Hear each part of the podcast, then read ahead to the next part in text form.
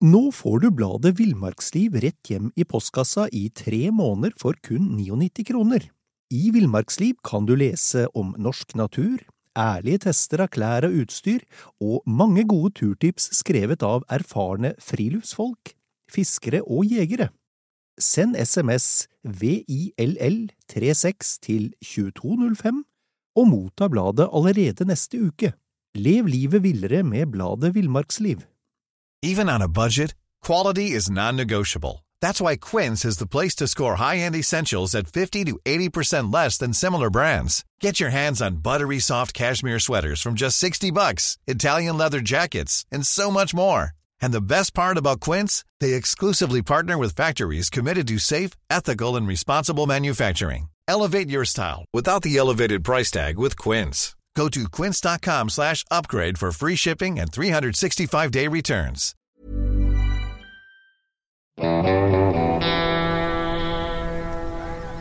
Velkommen til podkasten Villmarksliv. Mitt navn er Halvard Lunde, og jeg er redaksjonssjef i bladet Villmarksliv.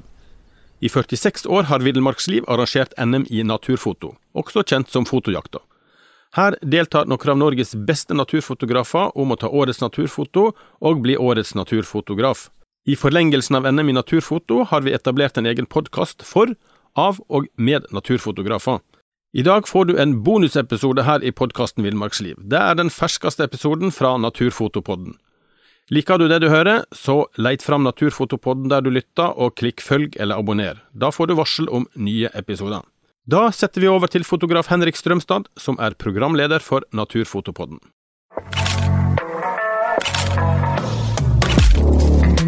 Hei og velkommen til Naturfotopodden. Dette skal være en podkast hvor vi tar for oss temaer og aktuelle ting innen naturfoto. Vi vil i hver episode ha spennende gjester i studio. Jeg er Henrik Strømstad, profesjonell fotograf med mest fokus på natur- og landskapsfoto. Jeg er medlem av Norsk Naturfotografer og sitter i juryen i NM i naturfoto, som arrangeres av Villmarksliv. I dag har vi fått besøk i studio av turfotograf og naturfotograf Lars Lindland. Og dagens hovedtema vil nok være Østmarka. Velkommen til deg, Lars, og tenker at du er vel den beste til å presentere deg selv. Tusen takk for det, og takk for eh, invitasjonen. Ja, eh, hva skal jeg si om meg sjøl? Jeg er 38 eh, år, bosatt på Hasle i Oslo. Innflytta mjøndøling. Med en forkjærlighet for tur og friluftsliv og turfoto. Ja, det er jo ikke så vanskelig å se. Vi har jo vært og snoka litt grann, da, på, på, nett. Eh, du er ganske aktiv og legger ut mye bra på sosiale medier. Og på nettsiden din eh, så bare leser jeg liksom introen din der. Da står det turfotograf og naturformidler bosatt i Oslo men en konstant, eh, med en konstant dragning mot eh, norsk vill og nærmark. Eh, stor lidenskap for små og store naturopplevelser formidler jeg i mine øyeblikk gjennom små og store objektiver.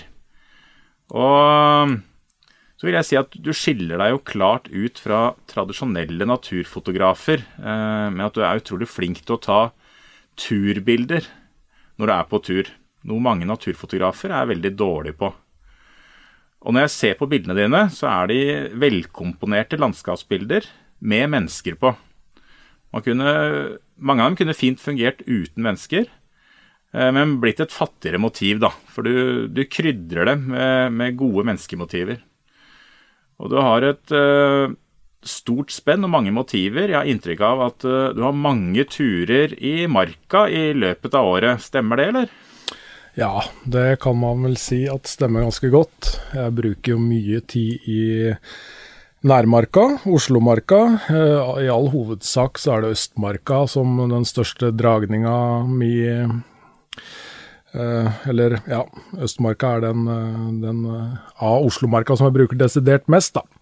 Veit ikke litt vel hva som er bakgrunnen for det. Det har vel en litt sammenheng med at vi har hatt ei hytte hytte ute ved Øyerntraktene, eh, nærheten av Østmarka, for jeg var ganske liten. Så, så den marka oppdaga jeg ganske tidlig. Eh, Og når jeg flytta inn til Oslo, så ja, hvor lenge blir det siden? 15-16 år siden, tenker jeg. Så var det, var det fort Østmarka som, eh, som eh, blei den skauen som, som, jeg ble dratt mot, da. Selv om det har vært noen turer i de andre også.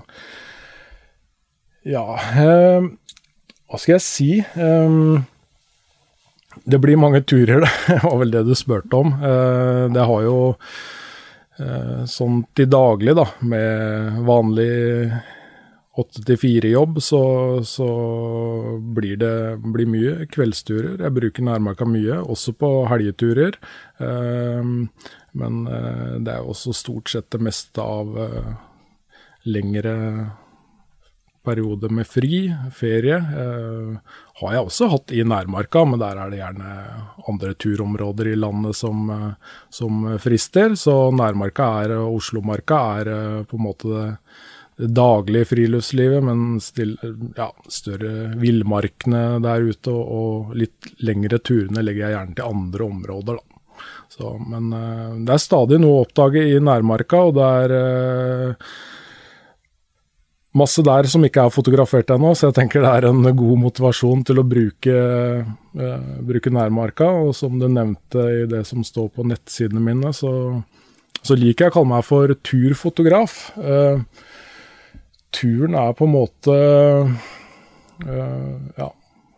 Det er eh, motivasjonen min. Motivasjonen er størst for tur og friluftsliv. Og så er det alltid Gir turene inspirasjon til å ta bilder, da. Så det starta vel med Eller det starta med friluftsliv, helt klart. Og så har fotointeressen kommet i seinere tid, da.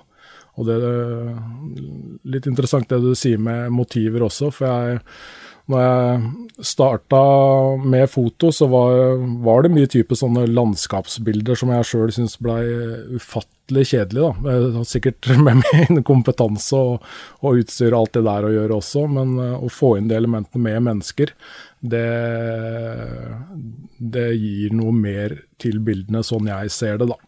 Og så blir det jo mange bilder av meg sjøl som hovedmotiv, i og med at jeg er en del på tur aleine. Men jeg har, jo, jeg har, jo, også noen gode turkompiser som er eh, etter hvert blitt ganske eh, veldresserte motiver, de også, i bildene mine. De er vant til at de må vente og sitte rolig og stå der og stå der, for at jeg skal få tatt de bildene som jeg ser i øyeblikket. Da. Ja, for, for, det er viktig å ha, eh, som du sier eh kompiser da, som, når du er med på tur, som uh, har forståelse for det med å ta bilder. Da, at det tar litt tid, at de syns det er litt moro også. Mm. Uh, at de ikke er utålmodige. Uh, og så kjenner jeg meg også igjen, for jeg tar jo også en del frilufts... Altså mennesker i naturen. Og det med å bruke seg selv som motiv. Det krever jo enda mer av deg som fotograf i forhold til å plassere seg riktig i bildeflaten, i komposisjonen. For når du har med deg noen, så kan du jo justere det med en gang når du skal bruke deg selv. Eh, så det tar jo lengre tid å, bli en, å få fine bilder når du bare bruker deg sjøl som motiv. Eh, og det du sier med at du da begynte med landskapsfoto og syntes det ble litt kjedelig, så tipper jeg at du bygde deg kompetanse som landskapsfotograf. da. For Det mm. syns jeg jeg ser igjen i bildene dine nå. da, At du har, du har øye for de store landskapene.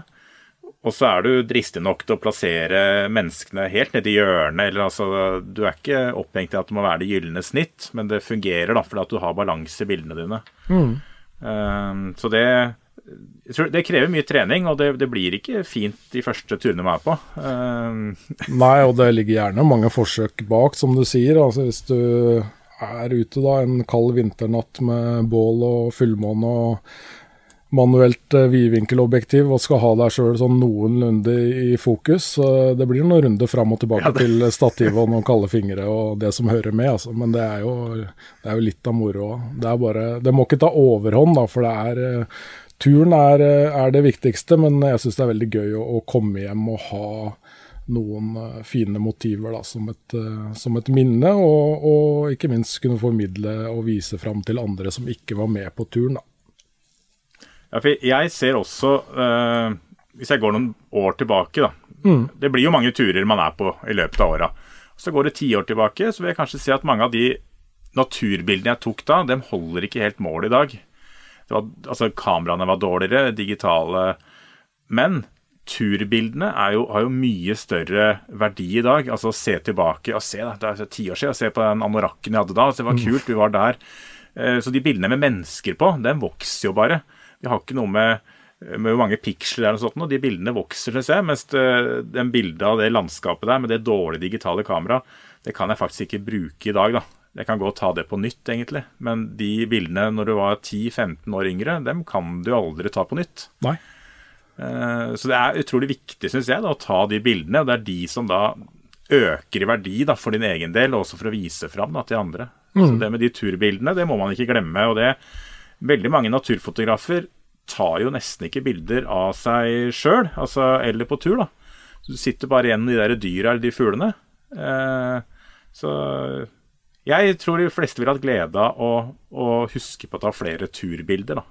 Ja, og det er en fin måte å gjenoppleve turen du var på for eh, ti år siden også, når man går gjennom arkivet og kikker på de bildene, selv om de nødvendigvis ikke er sånn teknisk eh, veldig gode. Så i hvert fall for meg så, så ser jeg for meg både opplevelser og, og hvordan turen var. da. Jeg tar ganske mange bilder når jeg er på tur, og det er veldig mye man glemmer om man ikke hadde fotografert det. Og ja, For å formidle en tur på, til et foredrag f.eks., for så er det jo en kjempefordel også. Jeg lever meg fort inn i den turen igjen og kan, uh, kan, fint skrive et foredrag om en tur jeg var på for, uh, for lenge siden, bare, bare, ved å se på bildene og komme tilbake til hvordan det var der og da. Og så blir det sikkert litt påskryt og ljuging og sånn, men det hører jo med. Det er sikkert noen fisker der som var større enn de egentlig var, men, men det er i hvert fall et godt utgangspunkt. Ja, ja, ja, men det hører med. Og det der med å kunne leve seg inn i turen når du ser tilbake på gamle turbilder, eh, det er utrolig verdifullt. Men jeg tenker sånn eh, Du er jo et råskinn f.eks. på bålbilder under store furuer og sånn. Eh, hvor mye planlegger du bildene dine før du drar ut, eller når du er Når du skal velge deg bålplass, teltplass, tenker du motiv? Eller tenker du bare at det skal være best mulig å sitte der eller sove der? Ja, altså jeg har, jeg har prøvd å ha litt sånn planer på å fotoplaner, men de fleste jeg, fotoplanene jeg har lagt, har sjelden blitt noe av. Så det er, det er, egentlig litt motsatt for min del. Altså. Men eh, jeg vil si at jeg er veldig god til å, å velge ut eh, leirplasser. Jeg er ganske streng mot meg sjøl og andre som er med på tur, hvor vi slår leir. Så jeg har det nok litt i bakhodet kan se for meg, men du, du klarer jo aldri å se for deg hvordan uh, Man etablerer jo gjerne leir før det blir mørkt. Uh, det er ikke sånn at jeg går og tenker på hvor månen kommer opp, eller uh, ja, hvordan furua står, og hvor vi sitter ja, i forhold til hvor lyset kommer og, og, og sånn. Men, men den komposisjonen kommer jo gjerne i, i etterkant. da.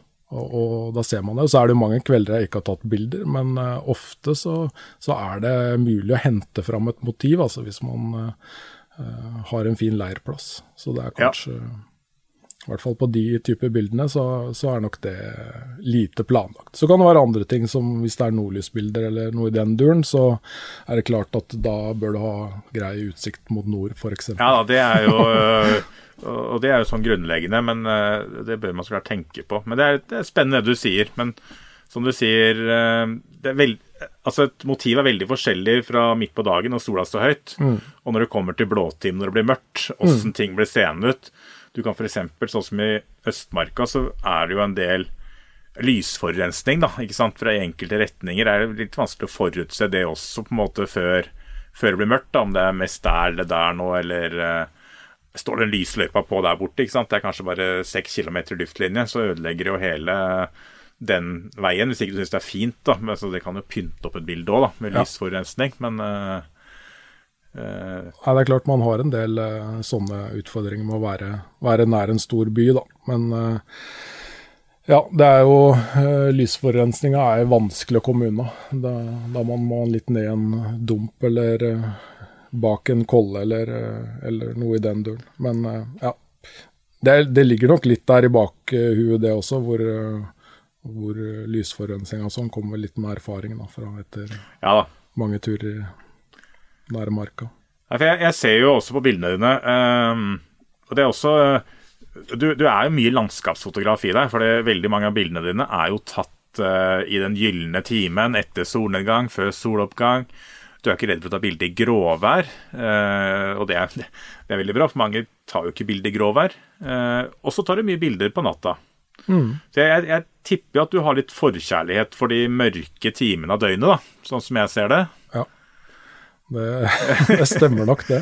Jeg, jeg, veit ikke, jeg har ikke vært helt sånn bevisst på det tidligere, tror jeg. Men etter hvert som jeg, ser gjennom bildene mine, så er det mye som er tatt enten soloppgang, solnedgang, eh, er jeg veldig glad i. Og jeg følger stort sett med på, med på skydekket også, og det er jo ja, det er motivasjon for å dra ut og, og ta bilder, rett og slett, da, når man ser at det er høyt skydekk og her kan det bli noe Eh, flotte farger. Eh, mange fotografer som er gode på å ta spennende bilder på, på dagtid og i godt lys òg. Jeg er nok ikke en av de, men eh, det er nok kanskje spesielt blåtimen. Det er et eller annet med den stemninga der da, som, som, er, ja, som fascinerer meg veldig. Både, både kveldstid og, og, tidlig, tidlig på morgenen. Når, når lyset så vidt har begynt å komme. Nei, jeg ikke helt, blir ikke helt klok på hvorfor, men uh, du har helt rett. Det er uh, blåtimen og rosatimen og gulltimen. Ja, de er... fascinerer meg. jeg liker lyset. Nei, men Det er jo noe helt magisk. Og det er jo ikke noe tvil om at man får mye gratis hjelp da, i de, der, eh, de dagene hvor det er helt sånn Altså Du har de vanlige blåtimene hvor det bare er blått, mm. men det er de dagene hvor det er sånn knallfarger eller dempa av de pastellfargene på vinteren, ikke sant. Mm. Uh, vi, vi, får jo veldig mye hjelp til å få et bedre motiv. Altså, uh, det er jo ikke med på å dytte bildet ditt til å bli dårligere, holdt jeg på å si. Altså, det er jo bare med på å heve hele motivet. Ja. Og så syns uh, Jeg vet ikke om du tenker på det, men det er veldig fascinerende hvis du drar ut tidlig på morgenen eller ligger ute, og så får du med det magiske lyset. Og ser hvor mye naturen endrer seg da, på en halvtime når sola kommer opp. og du kanskje da fyrer bål og Eh, tenker at eh, Det ligner nesten ikke på det som var her for en halvtime siden. Det lyset som var da. ikke sant? Det magiske på tidlig morgen. Og at så mange som ikke opplever det, for de drar ikke ut før klokka elleve. Eh, jeg tenker det er utrolig mye folk som ikke vet hva som egentlig skjer. ja, jeg legger merke til det. Det, er, det, er, det syns jeg også er litt rart. Eller det er kanskje vi som er rare, da, siden ingen andre syns det er rart. Men sånn skiftninger i en solnedgang, da som kan gå fra litt sånn kjedelig til helt brutale farger som du nesten ja, ja. ikke klarer å fange, fordi det blir så mye. Og så ser det som det er turgåere ute, men ingen legger, eller noen legger merke til det, men ikke på samme måte. Eh, nei, jeg skjønner ikke. Jeg ble jo helt eh, bortreist når eh, sånt skjer. Jeg blir aldri lei av det. Altså, jeg ja. veit ikke, men det, det er noe, kanskje en, noe feil med oss. Altså, mm. klart Det er jo noe nerdete det med må alltid måtte ut hver gang det er fare for nordlys eller fullmåne eller ja. stjerneklart. Eller, altså, det er alltid en eller annen grunn til at man har lyst til å dra ut. og det er kanskje uh, sånne som oss det er noe feil med. da. Mm. Uh, men jeg tror vi får igjen veldig mye i form av naturopplevelser. Ja. Uh, så kan du jo si Ja, jeg skjønner jo at noen lurer på det innimellom. Men jeg, jeg ja, ser jo sånn, Det er litt sånn morsomt hvis man drar inn sosiale medier i det, og har vært ute og tatt et sånn type bilde. Nå er det kanskje flere som har fått opp interessen etter hvert, men det er sånn gjentagende spørsmål. Altså hvor, hvor var det? På et uh, bilde av fullmånen eller en solnedgang. Ja, liksom. ja, det var uh, utafor døra, da. Det var i naturen. Det var i kveld eller i ettermiddag. Og Det kunne du tatt hvor som helst. Mm. I Østmarka f.eks. Altså, det er jo ikke noe å si egentlig hvor du er. Det er bare, klart Hvis du skal ha månen går opp, så må du kanskje stå litt høyt, så du får den når han kommer opp, mens uh, mm. landskapet er litt lyst. Men, men ja, det er ikke så veldig vanskelig, men man må komme seg ut. Ja. Og jeg bare ser litt, synes det er litt moro også, for jeg ser jo at uh, ja, vi har jo en felles interesse, ikke bare i foto og friluftsliv, men uh, turskøyter. Mm. Jeg bruker jo selv, jeg har jo brukt det lenge, altså turskøyter. Altså skøyter man spenner på enten fjellstøvlene eller skistøvlene, klappskøyter som det har blitt nå, mm. til å komme meg rundt i, i marka, spesielt på høstisen, da.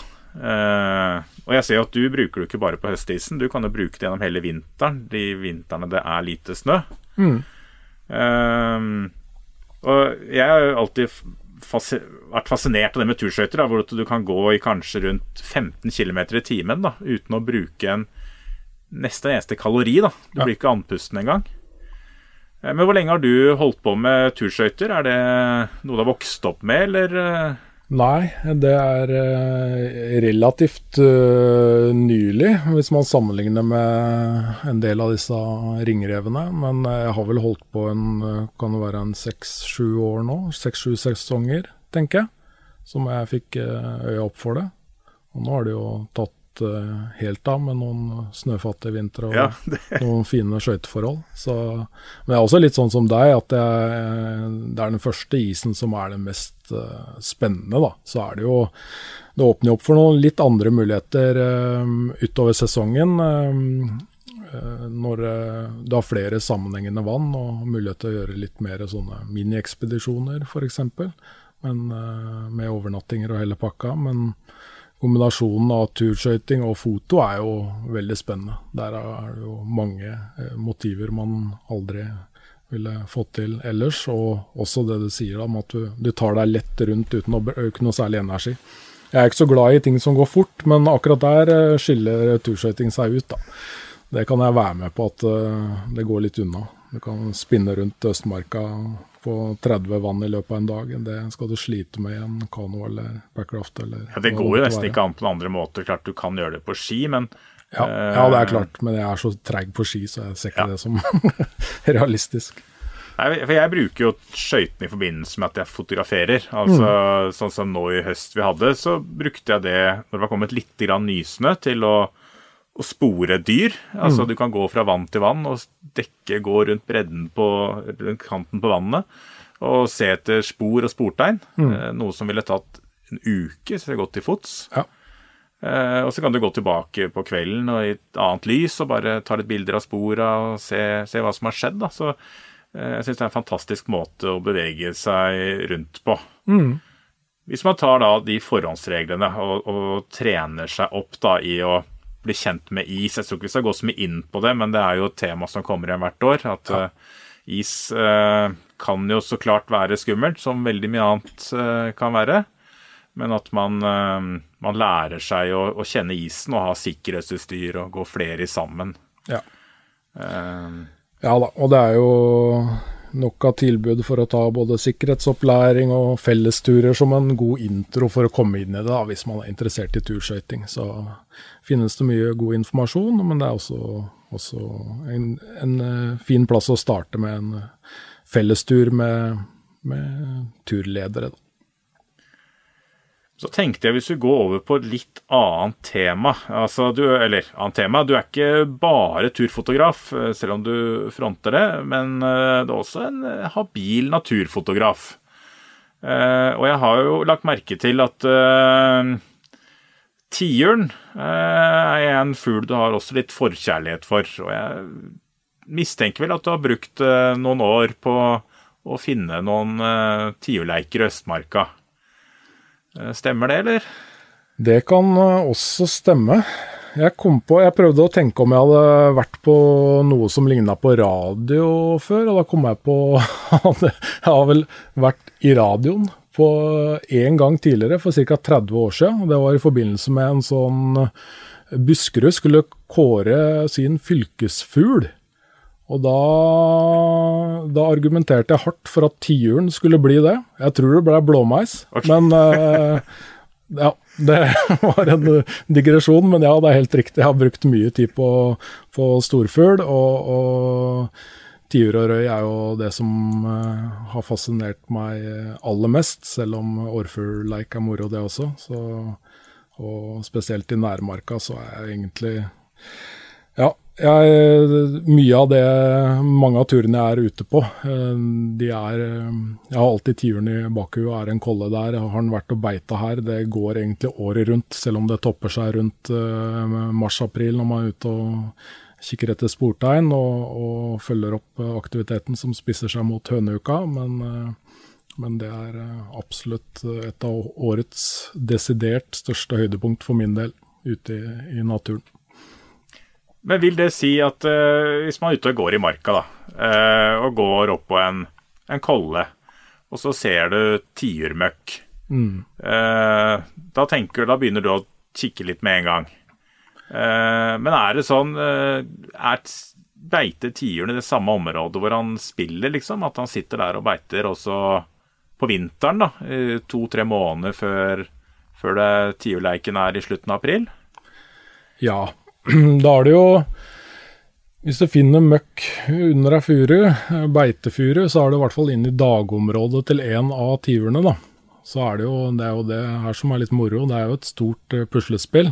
Så jeg vet ikke forklare det ja, Hvis vi gjør en litt sånn enkel forklaring, da, så kan vi si at vi har en eh, et, en sirkel som er to kilometer i diameter. Og så har vi seks tiur på, på leika eller spillplassen som tilhører det området. Da har de hvert sitt pizzastykke eller kakestykke. Eh, nå vil jo ikke det være en sirkel som har rette linjer og det, Nei, nei, men sånn du skjønner skjønner ja. greia. Og i midten der så har du da spillplassen. Så mm, to kilometer cirka ut er eh, dagområdet som man bruker gjennom, uh, gjennom året. og jo nærmere jo nærmere høneuka, som det så fint kalles, er, eh, jo tettere på uh, sjølve sentrum eh, er du, da. Og når vi kommer ut i midten av mars, nærmere oss april, så er også i hvert fall gamlekara på Leika gjerne inne på sjølve eh, spillplassen, da, eh, med, med ujevne mellomrom til, eh, til det topper seg og den kommer inn hver eneste dag. Så der har man funnet Nå får du bladet Villmarksliv rett hjem i postkassa i tre måneder for kun 99 kroner.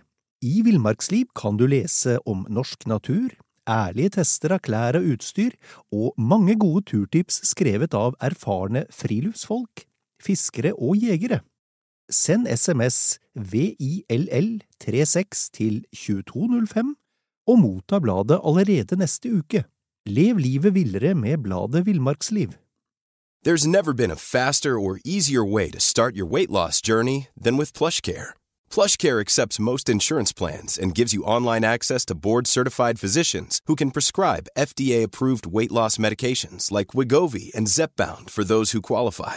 Take charge of your health and speak with a board-certified physician about a weight loss plan that's right for you. Get started today at plushcare.com slash weight loss. That's plushcare.com slash weight loss. plushcare.com slash weight loss. eh, er furu eh, og møkk under den, så har man i hvert fall, har man i hvert fall lokalisert en av dem, og så må man jo da finne, gjerne finne flere for å, for å finne hvor, hvor sentrum er, og i hvilken retning det er. ja. Så her eh, ligger det litt eh, jobb bak å finne en tiurleik. Eh, det, det kjenner vel kanskje Det ligger litt jobb bak. Man kan jo ikke, det trenger jo ikke nødvendigvis være så vanskelig heller. Jeg har jo gått på koller som har ganske fort vist seg å være spillplasser. Og det er klart, har man litt snø da, i, i slutten av mars, begynnelsen av april, så, så er det mange tegn man kan se etter inne på, som kan avsløre at det er en spillplass. Da. Man kan finne fjær, og man kan finne eh, spor etter tiuren som har gått rundt. eh, Slepespor etter eh, vinger er en god indikasjon, og du har du flere mm, furuer rundt på den kollen hvor det ligger møkk under, så, så er det et veldig godt utgangspunkt da, for å, for å ja, Ja, bruke da- mer tid på å leite rundt der.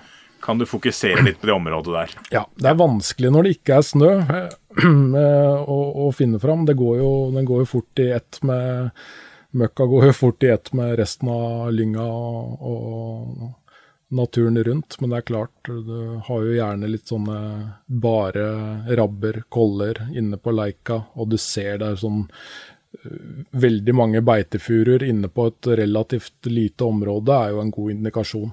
Du har de litt eh, Ja. deformerte furuene som du ser er tydelig nedbeita. Da. At her har det vært fugl, eller kanskje det også er og kan være en spillplass. Men sånn som i Østmarka, da. Eh, der er jo eh, Kollene der er vel på sånn mellom 200 og 400 meter over havet, kan du si. da. Her. Eh, når, når er høneuka? Er det rundt 25. april, eller? Ja. Han sier jo høneuke. Eh, Det er nok i hvert fall min erfaring, at det er tre-fire dager da, som, er, som røynet er innpå. Det er, det er paring på leiken. Og så kan det være en dag opphold også mellom. Så ikke, jeg har ikke noe sånn helt klar fasit på det. Men men ja, hva var det du spurte om igjen? Nei, det var egentlig bare hvor lenge, lenge, den var. Men det er ja, sånn, hvor lenge den var, ja. Altså hvilken tid. Men det er sånn ja. 20.-25. april i ja, det området vi snakker om her. Ja. Men du, sånn fra andre uka i april, eh, så er de jo inne på spillplassen eh, hver eneste dag. Eh, helt i begynnelsen så, så, sitter de gjerne bare De kommer inn, og så kommer de inn på nattkvisten og blir der over natta, eh, men de går nødvendigvis ikke ned på bakken. da. Kommer litt lenger ut i april, så går de også ned på bakken og begynner, eh, begynner spillinga. og, og setter i gang med ja, spillet sitt og mer aktivitet. Og så holder de på der til langt ut i juni. Og de har jo også et uh, høstspill som er uh, mindre kjent. da, Sånn slutten av september og utover oktober, hvor det er ganske mye aktivitet. I hvert fall blant de eldste fugla. Så sjølve perioden, man kan jo oppleve det lenge, men akkurat de dagene røyene er der, det, det er nok en tre-fire dager sånn i, i, snitt. Men det er mye moro utenom det, så man trenger ikke å nei, nei. være så fokusert. Men det er klart, i forkant av, av høneuka så er det jo mest hektisk og mest slåssing og, og ville tilstander til tider. Men la oss nå si, hvis man er uh, litt sånn uerfaren uh, tiurleikfotograf, da, og så mm. finner man en kolle som virker spennende. Det er kanskje det er litt snø der, så du kan se vingeslep og de tinga der. Så tenker du at det her har jeg lyst til å prøve meg. Mm. Eh, ville du gått fram da? Altså, du, med, du bygger du en kamuflasje på stedet, eller har du med deg kamuflasjetelt? Ja, jeg bruker et sånt uh, pop-up-fotoskjul. Som jeg har med meg og setter opp uh, noen dager i, i forkant. da. Det er veldig vanskelig å På en ny leik så er det vanskelig å vite helt hvor man skal ligge. Eh, og man legger seg som regel alltid feil. Det kan du nesten ja, bane på. Men eh, det er jo litt av Du legger deg gjerne sånn til at du skal ha fint fotolys, og få ti, lyset skal komme tidlig inn på den fuglen som står og spiller der og der. Men eh, som regel så er det andre steder det, aktiviteten skjer. Da. Så det er utallige døgn før jeg har klart å treffe, og ikke minst treffe på sjefen på, på Leika, da, hvor, hvor øynene i stor grad samler seg. Så det er nytidig arbeid. Men uh, sette opp skjulet noen dager i forkant. og Det er viktig at man er, uh, er godt i skjul, uh, sånn at man at ikke bevegelse Eh, blir oppdaga, da. For uh, blir du sett, så, så stikker det av. Og unødvendig skremming av fugler vil, vil, vi jo unngå. Ja da, det, det er det ingen som ønsker. Så, men det viktigste er å ha et bra skjul, og mm. gjerne sette det opp noen dager før. Ja. Men når du da, den dagen du skal opp på leiken, eh, på tiur, eh, så må man jo inn i ganske ålreit, eller tidlig på kvelden, ikke sant? Mm. Hvor, hvor, tidlig tenker du når du kommer til rundt 20. april? Når er du i teltet da?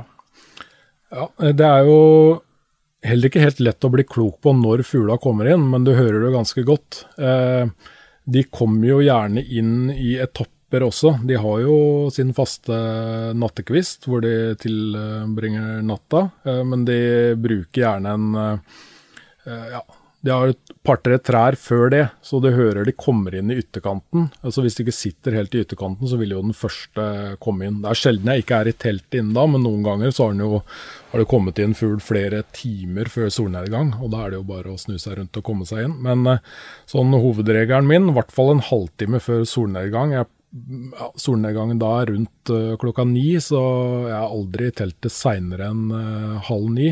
Uh, ofte fra åtte. Ja. Og da, det, da, har du i hvert fall rundt 15 timer på deg på halvannen kvadratmeter, så det er helt nydelig. Det er bare å kose seg med Nei, her kan vi snakke om det, det er så klart for spesielt interesserte. altså Det er jo nerdete å ligge. Jeg ligger jo litt på tiurleik sjøl. Har liksom ikke fått det skikkelig til, men jeg har skjønt at uh, min erfaring, da, uh, som sier det, du ligger inne i et telt her i 15 timer omtrent, men at man Det er en fordel å kunne sette av flere dager på rad, da. At det ikke tar én dag, og så ser du at du har bomma, og så kan du ikke dra opp igjen før om tre dager. Men at eh, jeg vil i hvert fall tenke at det er bedre kanskje å sette av tre dager på rad, da, istedenfor å tenke å sette av én dag i uka i tre uker. Ja. Eh, og kanskje ha større sjanse for å kunne få sett noe, og få noen bilder som er ålreit, da. Men min erfaring er også at du, kan ikke forvente at du første året på en tiurleik eh, nødvendigvis får så veldig bra bilder. Nei, det er helt riktig. Den er som regel bak en busk eller bak et tre, eller ja, i hvert fall på de, hvert fall på de første turene. Nå har, vi, nå har jeg noen leiker som jeg kjenner såpass godt at jeg har i hvert fall et godt utgangspunkt fra fjoråret. da. Hvem som var sjefen på leika da, hvor det var mest aktivitet. Men det her kan jo også endre seg. Eh, hvis Ja, det for er en hvis, en, hvis en annen tier tar over tronen, da kan det være nabokollen. Det kan det, vet du. Ja. Så det, du har brukt fem år på å finne den sjefstieren, og så er han blitt for gammel eller blitt skutt i jakta. Så er uh, ponni igjen. Ja. Men nå har jeg ganske Ja, etter å ha ligget på den samme leika i en seks-sju år, så har jeg ganske god kontroll på området til de andre også. Så det er jo et eh, greit utgangspunkt hvis det skulle endre, endre seg. Men det ser man jo gjerne mm, i opptakta til leika, så jeg pleier å ha to perioder da, når det er, eh, når det er rivalisering og slåssing pågår for fullt, og så eh, når det nærmer seg hønuka og røyene kommer inn.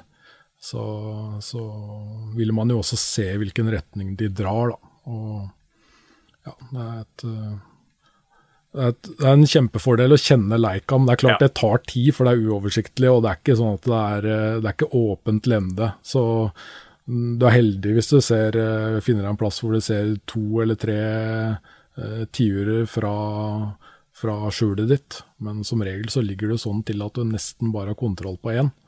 Så ja, Ja, det er et puslespill. For jeg syns kanskje at eh, når man ser fine bilder da, fra tiurleik, så ser det ofte ut som det er veldig sånn åpent. Ja. Men det er jo fordi at uh, de spiller jo ofte på en sånn liten kolle. Mm. det er sånn. Og så bruker man jo telelinse, ikke sant? så det ser veldig bra ut. Men så ble jeg så overraska når jeg har begynt å, å dra på tiurleik sjøl, så det er jo ikke sånn åpen skog der. Jeg har jo ikke oversikt. Eh, Jeg ser, klarer bare å se én tiur, og så hører jeg de andre. Eh, For jeg så liksom for meg at eh, det skal være sånn åpne, kunne se masse tider som spiller, men, mm. men sånn er det jo ikke. Altså, det, det fins sikkert sånne leker òg, kanskje, men eh, de, de liker vel også å ha mulighet til å ha skjul. Ja. Eh, For de er jo også utsatt når de er på leiken for rovfugl. Ja. De er utsatt for rovfugl, og de er utsatt for rev og, og Ja, jeg har sånn tidlig eh, på morgenen, før lyset kommer, så, så er mitt inntrykk at de er mer aktive på sånne litt mer synlige rabber. Og, mens når det drar seg til, så er det gjerne nede noe kratt og kjerr og slåss og herjer. Så har de jo ja, litt sånne forhøyninger i terrenget gjerne når, det, når røyene kommer inn, og når de, når de parer seg. Men eh, det, den trenger ikke å være veldig i iøynefallende, den lille forhøyninga i terrenget. Men det er jo litt Så- kjipt at du sitter og ser ut av luka der, og så ser du når det ikke er fotolys, så spiller de veldig fint, kan de gjøre, som jeg skjønner på deg, ikke sant? Og så blir det mer og mer lys, og så kanskje den forsvinner litt ned i krattet der, eller bak eh, under den skjørtegrana, eller eh, Ja. Ja. Når sola kommer på den, da tar den gjerne og finner seg en annen plass. Ja. det er litt sånn typisk. Men eh, det er ikke alltid. altså mange, fått tatt mange bilder av tiur hvor han står og spiller fint i, i den første sola. Altså. Så det er fullt mulig det òg, men det forandrer seg jo Ja. Det er jo ingen regler uten unntak her, men jeg tenker at eh, hele nøkkelen her sånn ligger i å være mye ute. Altså å, å tilegne seg kunnskap. Eh, det hjelper liksom ikke å bare tro at det skal skje første gang du er på det. Eh, prøve igjen og igjen. Eh, og det, det, det er jo en sånn Det er jo nerdete å ligge i de telta så mange timer og ha med deg pisseflaske og de tinga, men jeg tenker gleden da, når du lykkes, og få, får sett denne magien da, som foregår inne i marka. Ja. Og nødvendigvis ikke så veldig langt ifra der folk bor heller, egentlig. Nei da. Eh, som liksom Som folk flest ikke vet om. Nei, jeg tror nok, tror nok noen hadde blitt overraska hvis, hvis flere visste om hvor disse spillplassene var hen. For det er Ja. ikke nødvendigvis så veldig bortgjemt. Men det er jo nettopp det du sier som er min dragning også. Det er ikke nødvendigvis det å ta, ta, bildene. Det er moro, det òg, men uh, det å våkne opp der og, og føle deg fotolys også, bare den stemninga som er der når du hører kneppinga rundt på, på spillplassen, og der har et fiskeørnreir i nærheten, og den er jo gjerne kommet inn på samme tida. og på den ene storfuglleika så er det også en liten orrfuglleik uh, midt i tiurleika, så du har uh, orrfugl i tillegg, da. Ja. Det er sånn at Når du kommer hjem etter å ha ligget der en fire-fem døgn i strekk, så de lydene henger i lenge. Altså, Så jeg føler deg nesten litt sånn ko-ko når du går rundt i byen og tar deg en velfortjent pils. Men, men det, er, ja, det, er, det er stemninga der altså, som drar meg mer enn eh, fotoen. Det er veldig gøy å ta bilder av, selvfølgelig. Det er det. Jo, men naturopplevelsen er jo viktig. Altså ja. Hvis man ikke har den drivkraften, så tror jeg det blir tungt. Ja. Eh, og gleden var kanskje veien til målet, da, med mm. å, å, finne de plassene. Eh, og liksom avdekke hemmeligheten da, med naturen. Mm. Og kanskje til syvende og sist da få det på brikka. Ja. Eh, tenker jeg for min egen del er liksom en veldig drivkraft for å komme meg ut. da. Ja. Hvis jeg bare, Selv om jeg da er en profesjonell fotograf måte, skal tjene penger på det. Hvis jeg bare tenker at hver gang jeg drar på en tiurleik, så er jeg nødt til å ta fem knallbra bilder jeg skal selge, så tror jeg det blir vanskelig. Da, da tror jeg jeg blir fort lei. Jeg må tenke at dette er en fin naturopplevelse, og skal jeg få et fint bilde jeg kan selge eller bruke til noe, så er det en bonus. Eh, men at det er jo naturopplevelsen som teller, at det er det som er drivkraften. Når du ligger der med litt vondt i ryggen i en skråning og Jeg tror det er en veldig fin tilnærming, altså. Og jeg Det finnes så, så utrolig mye flotte, flotte storfuglfotoer som er tatt, så å klare å skille seg ut i mengden der, det er ikke noe jeg bruker mye energi på. Men eh, det er jo Ja. Det er moro å ta bilder, men eh, det er også moro når, eh, når tiuren ikke er på fotoskuddhold, og man bare kan sitte og følge med på de. Og det er jo skjedd flere ganger det at uh, det er fullt basketak uh, inntil uh, teltveggen på, på kammoteltet, og det, det, er fullt liv og røre, og du har jo ikke sjanse til å ta noen bilder av det med en, med en, tele. Du kan sitte og følge med. og Jeg har hatt tiur som har landa oppå på skjulet mitt og sittet der og spilt, så det er mange det er mange av øyeblikkene som ikke er på brikka, som er, ja. som er fascinerende ja, og store. Men, men, det viser jo at, det, at de har jo ikke noe mistanke til at det altså De er jo ikke intelligente på den måten, men at det teltet er noe skummelt. Som du sier, de kan lande på taket, de kan slåss inntil veggen på teltet. Mm. Uh, så lenge du da Spesielt det med bevegelse, at du ikke du stikker ut armen eller uh, noe sånt. Ja. Uh, så, så forstyrrer man jo ikke. Nei. Nei, det er ikke det er bevegelse og kombinasjonen bevegelse og lyd, da. Så når man uh, lager litt lyd inni teltet, så lenge man ikke er uh, synlig, så går det, går det uh, greit. Altså, jeg har aldri hatt noe Jeg har aldri opplevd at jeg har klart å skremme uh, tiur når jeg sitter inne i, i skjul. jeg bare sørger for at jeg er godt dekka, da, han ikke ser meg. Men det er klart han kan jo reagere litt på refleksjoner og sånn i objektivet. Det vil du jo se på, på atferden til fugla også, at de blir litt sånn obs og sitter og gløtter litt på deg, men da er det bare å bare å la, la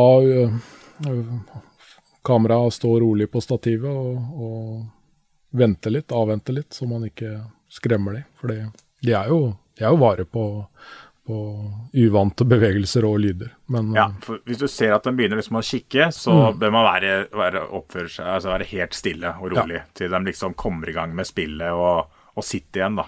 Ja. ja.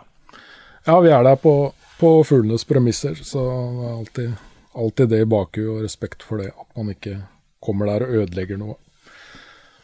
Ja, men det, det er veldig viktig. Men nå har vi jo snakka mye om tiurleik, og så blir kanskje spørsmålet er litt dumt, for kanskje, men det er ikke gitt, da.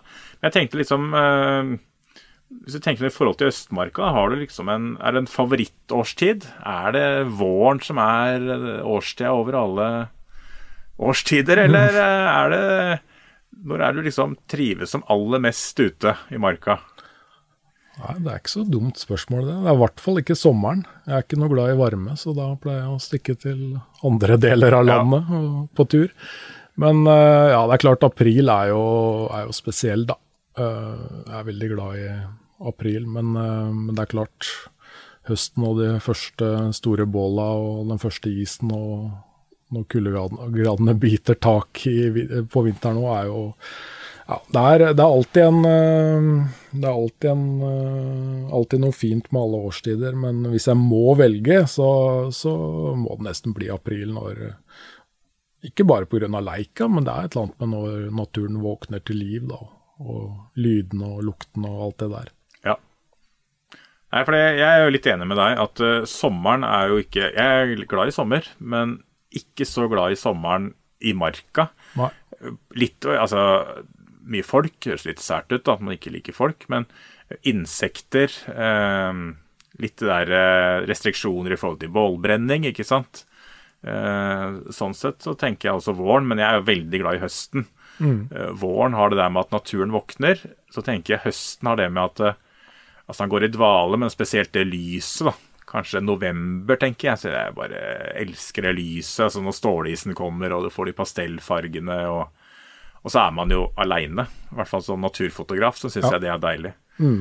Uh, for i juni så vrimler det av folk, og det er veldig bra at folk bruker marka. Men uh, da bruker Ja, liker jeg å dra andre steder. Ja, ja og det er fullt mulig å, å kunne være aleine om sommeren òg, bare man ikke er i marka. Nei, jeg er enig med deg der òg. Heller mygg enn folk, altså. Ja, det. så. Jeg tenkte vi må bare touche innom. Vi, vi snakker jo om foto, og ja. litt rundt utstyr. Mm. Uh, du er sånn I bunn og grunn så var du liksom friluftsinteressert, og så har du fotografert mer og mer. Ja.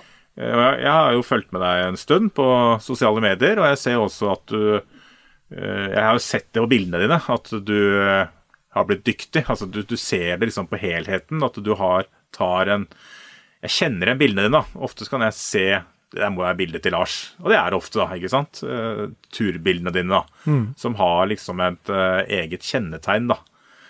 Uh, men hva, hva, har du f.eks. når du er på tur? da? Hva slags fotoutstyr har du med deg? Bærer du 15 kg med deg hele tiden, eller gjør du det lett? nei, jeg har aldri vært noe god til å pakke ganske lett. Eh, men eh, Så jeg har med meg det jeg føler at jeg må. Eh, det jeg vil ha funnet ut på litt lengre tur etter hvert. At å ha med seg tele er det er, det, er bare, det er ikke tull, men det er så sjelden man gidder å dra den opp av sekken at har jeg, den har jeg som regel latt være igjen da etter hvert. Men da snakker vi lengre turer da, på noen uker. Så, så ja. For da er det nok andre ting å bære med seg, spesielt hvis du er litt utafor allfarvei, som jeg gjerne er. Så utstyret da blir jo Nei, det er jo huset, da, og par-tre objektiver. Ja. Jeg har ikke sånn kjempemye utstyr, så jeg har ikke sånn veldig mye å spille på heller. Men jeg føler at jeg har det jeg har behov for. Så jeg føler jeg har gått litt gradene med utstyr, da. Og hatt en litt sånn regel for meg sjøl at jeg, det er ikke noe poeng å investere i noe nytt utstyr før du merker at uh, det begynner å sette noen begrensninger, da. Og så er det jo litt vanskelig å overholde en sånn regel, selvfølgelig. Man får jo lyst på, på nytt utstyr når det kommer noen og merker, ser andre som har uh, eh, skaffa seg utstyr som leverer uh, heftige saker, men det er jo klart det ligger, ligger mye i utstyret. Men jeg har ikke vært veldig på hugget med å oppgradere, så ja, prøvd å være sånn cirka i balanse der, da, på at uh, det jeg leverer av bilder bør være, stå litt i stil med det jeg har av utstyr. Ja. Men det er vel sjelden det er utstyret som setter begrensningene, opplever jeg, da. Mm. det er jo fotografen som gjelder, så klart. Når du jobber f.eks ja, på leik da, så kan det være dårlig lys. At det, klart man skulle kanskje hatt den mest lyssterke telelinsa. Mm. Uh, så kunne du begynt å ta bilder et kvarter før. Men uh, det er vel ikke det som skiller, tror jeg, for å få de beste bildene når det er syvende og sist. Uh, så lenge du har ålreit utstyr, da. Mm. Det vi opplever nå, tenker jeg, er jo litt det der med de speilløse kameraene. som har mye raskere skuddtakt, og som er helt lydløse. Mm. Eh, som er jo en liten sånn revolusjon, da, eh, vil jeg si, kontra de gamle speilrefleksene. da. At vi nå eh, Alle skal jo over på det etter hvert, da, men eh, det er jo ikke vits i å, å kaste sperreflekskameraet sitt nå hvis det er tre år gammelt. eh, For det, du får like bra filer på de som du får på de nye. Eh, og som du sier, eh, i noen tilfeller så kan jo lyd være kritisk, eh, men verken tiurleik eller orreleik eh, opplever jeg selv i hvert fall er noe problem med klikking fra sperreflekskamera. Nei, det har jeg aldri opplevd heller. Selv med ganske hissig takt, så har det- gått helt fint. Det er kanskje mer sånn hvis du smyger deg inn på en hjort på en eh, sånn ting, og da, da er det andre ting som spiller inn. Men uh, det er mye uh, sånn opphaussing at man skal ha det beste utstyret til enhver tid. Og jeg tenker at det er, ikke, det er ikke der det ligger. Kom deg ut først. Og hvis du virkelig ser at det begrenser deg, så klart man skal få gå og kikke etter nytt utstyr. Men eh, jeg tror ikke det er ikke det er der det ligger for de fleste. Nei, nei det, det tror ikke jeg heller. Jeg kunne nok sikkert hatt det forrige huset mitt uh, uh, lenger før jeg bytta ut, jeg også. Men uh, ja, det har litt med Det har også litt med disse speilløse, da. Med hvor nette og fine de er, og litt med vekt, selvfølgelig, som en total da, når man, når man er mye på tur og har med seg veldig mye annet utstyr enn fotoutstyr. Så, så spiller vekt en rolle også. Ja. Nei, men jeg tenker at vi har vært igjennom eh, eh, de temaene som eh, jeg tenkte jeg hadde lyst til å snakke med deg om. Ja. Altså Østmarka og litt eh, hvordan man ferdes i Østmarka, og litt om tiurleik. eh, som er jo et veldig spennende tema. som Uh, i hvert fall Jeg regner med at du også opplever det. At uh, hvis jeg legger ut bilder fra leik, så får jeg ofte spørsmål om hvor det er, og hvordan man gjør det, og kan du fortelle meg? og uh, Folk eh, er veldig nysgjerrige, da. Eh, men opplever nok veldig mange at eh, det virker veldig uoppnåelig å finne ut av selv, da. Ja. Eh, men da tenker jeg som du sier, altså være mye ute. Du kan jo for så vidt, som jeg har ikke tenkt for, før, at du kan leite etter tiurleik hele året. Altså Når du går på tur, gå opp på den kollen og se om du ser noen beitefurer, noe, noe møkk. Og gjør du det, så kanskje gå en tur der igjen til høsten, eller til vinteren og til våren. Og plutselig så har du jo kanskje funnet deg en tiurleik, rett Ja, ja. og slett. Ja, og så finner du mye annet. Jeg har jo brukt eh, Jeg sitter jo og finstuderer kart og ser på koller også, og har jo vært på mange, mange koller som jeg aldri ville vært ellers. Og om det ikke er tiurleik der, så er det kanskje en fin leirplass, da. Og koller er jo et eh, Ja, nesten skummelt å si det, men det er jo et godt tips til leirplasser hvis man som du og jeg ikke er sånn kjempeglad i å campe der det er veldig mye andre Ja. folk. For eh, de fleste ligger ved vannet, og på kollene, kollene har du stort sett for deg sjøl. Ja, for da må du bære med deg vann. Det er den eneste bakdelen. Men ja. det er bare fordeler ellers. Det er jo gratis trening. Aleine og god utsikt og veldig fine områder. Absolutt. Nei, men da tror jeg bare si takke for besøket. Det har vært veldig hyggelig å ha deg her i dag. Takk for det. Det har Så- vært eh, morsomt å få være med. Bare hyggelig.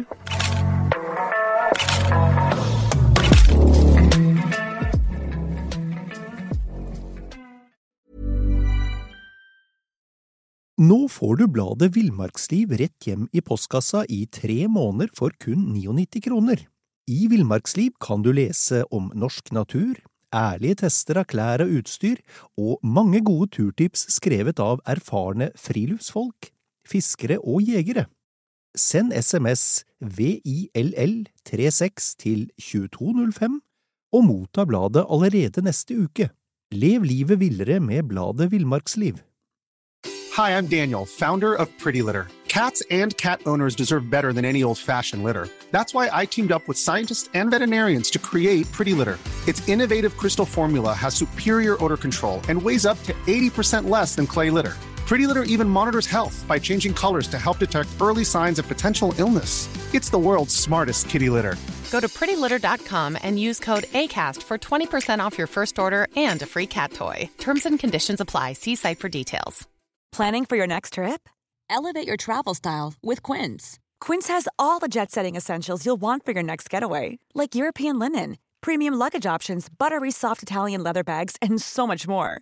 And is all priced at 50 to 80% less than similar brands. Plus, Quince only works with factories that use safe and ethical manufacturing practices. Pack your bags with high-quality essentials you'll be wearing for vacations to come with Quince. Go to quince.com/pack for free shipping and 365-day returns.